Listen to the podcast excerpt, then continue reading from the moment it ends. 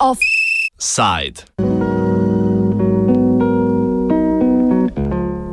Z nastopom novega japonskega cesarja Naruhita 1. maja in abdikcijo trenutnega cesarja Akihita se tej državi obete tudi novo poimenovanje obdobja.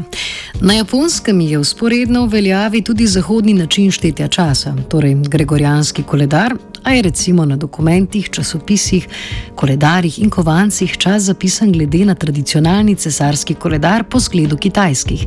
Trenutno je tako na japonskem leto Heisei 31, ki se je začelo z nastopom trenutnega cesarja.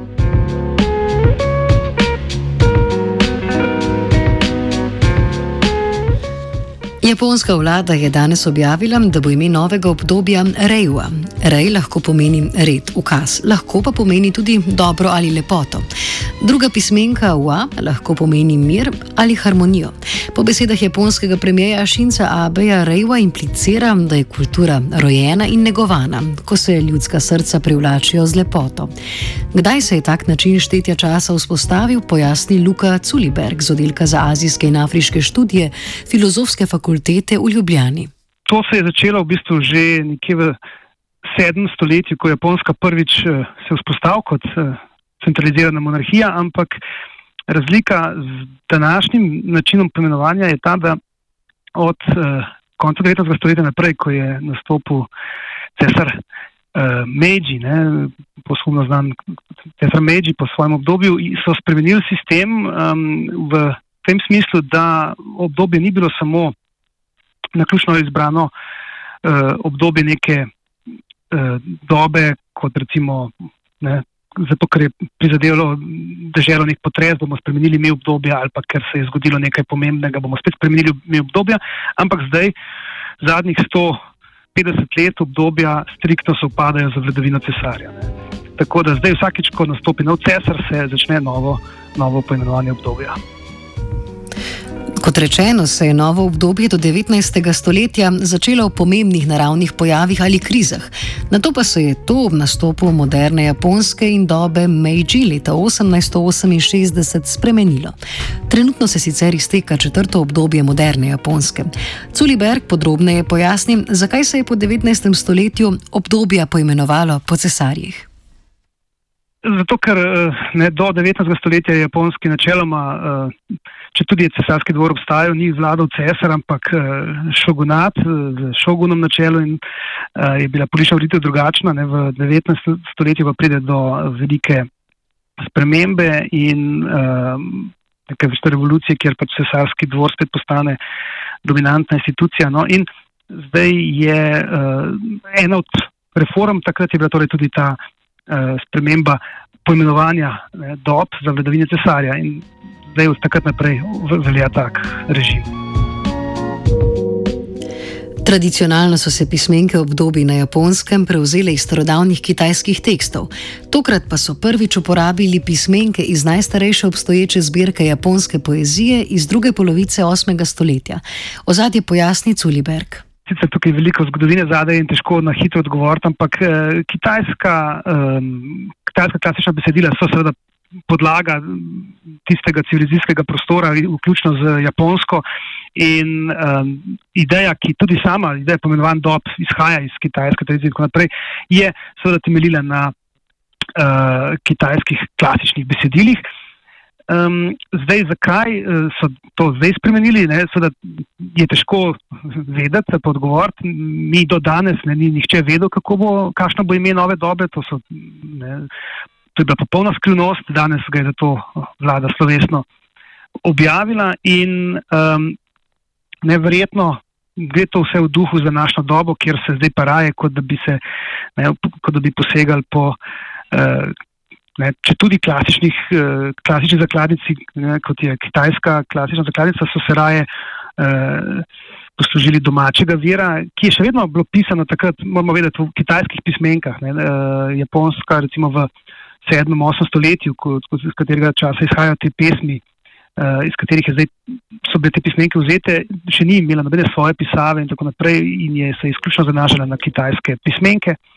Uh, gre samo za to, da vir, odkuder ne bi zdaj to črpali, ni več, uh, ni več kitajsko besedilo, ampak japonska pesniška zbirka.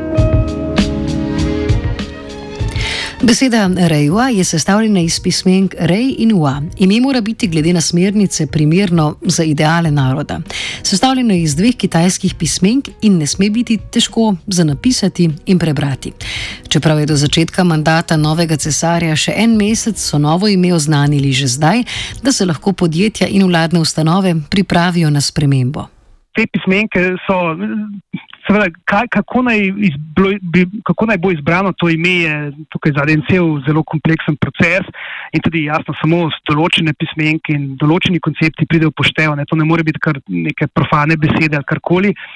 In trenutni pismenki, um, recimo ta WAN, ki pomeni harmonijo, mir, je bil, se je pojavil že prej tudi v ne, enem obdobju Pred zdajšnjim, ki je Heisei, ne, je bilo obdobje šova, torej vladavina cesarja Hirošita, ki je ta isti vabil noter. Ne, uh, samo da tam je bil spredaj pismenka šo, pred va, ki je pomenilo bleščeči mir, bleščečo harmonijo.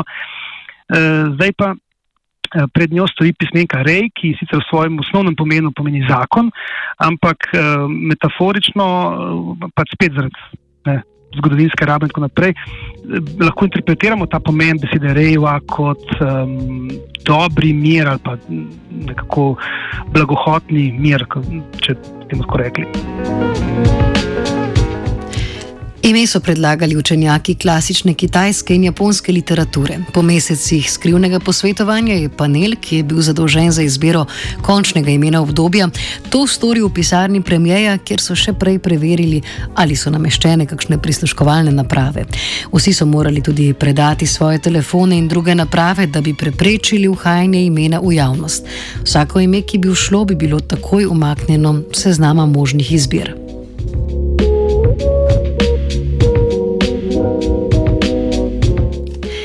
Na japonskem je bil okrog imena tudi velik medijski pomp. Urah pred naznanitvijo so potekale oddaje, v katerih so govorili o pomembnosti novega imena ter uživo prenašali novice.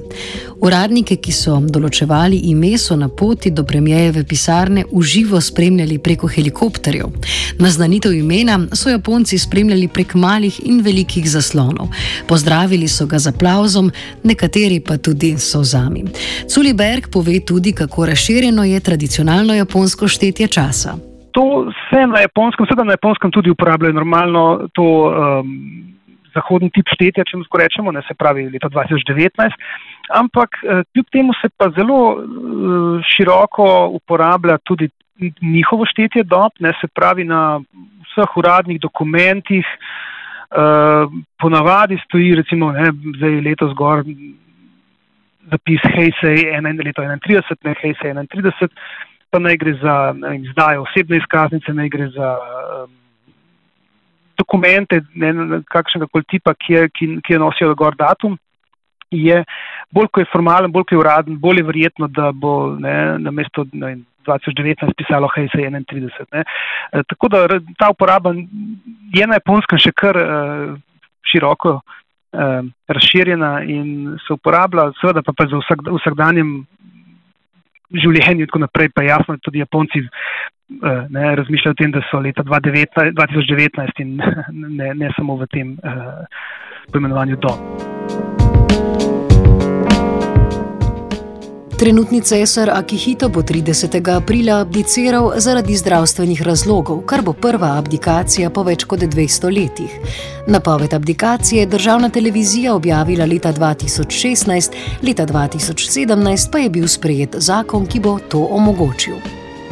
Tako je pač to zdaj nekaj let nazaj v televizijskem nastopu prvič obelodano trenutni cesar, ne, Akihito, ki bo zdaj pač po smrti, mislim, tudi po koncu vladavine znan kot cesar Heisei na japonskem, je uh, navedel razloge kot uh, starost, utrujenost, um, pravi pač, da bi se rad umaknil z, te, z tega položaja, ker uh, nima več energije za upravljanje tega posla.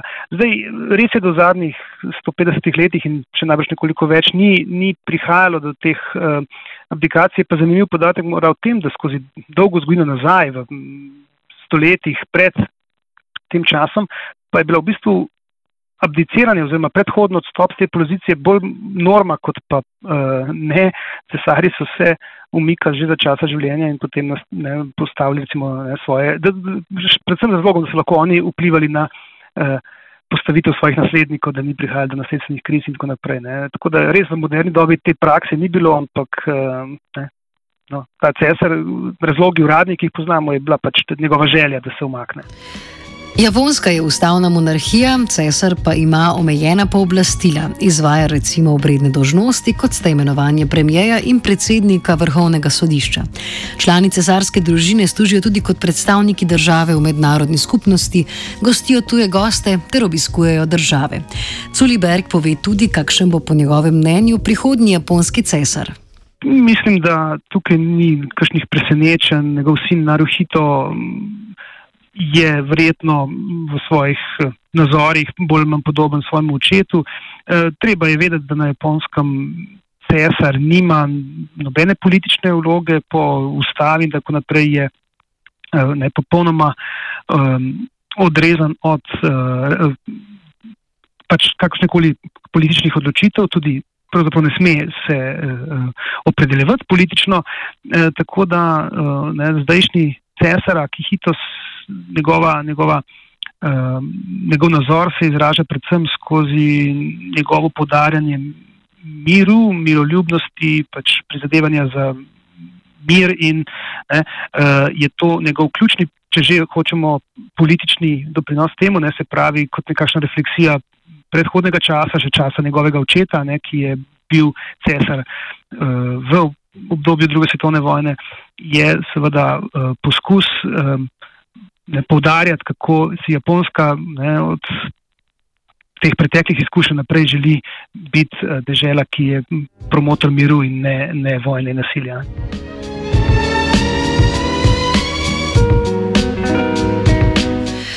Offside je pripravil Jančič.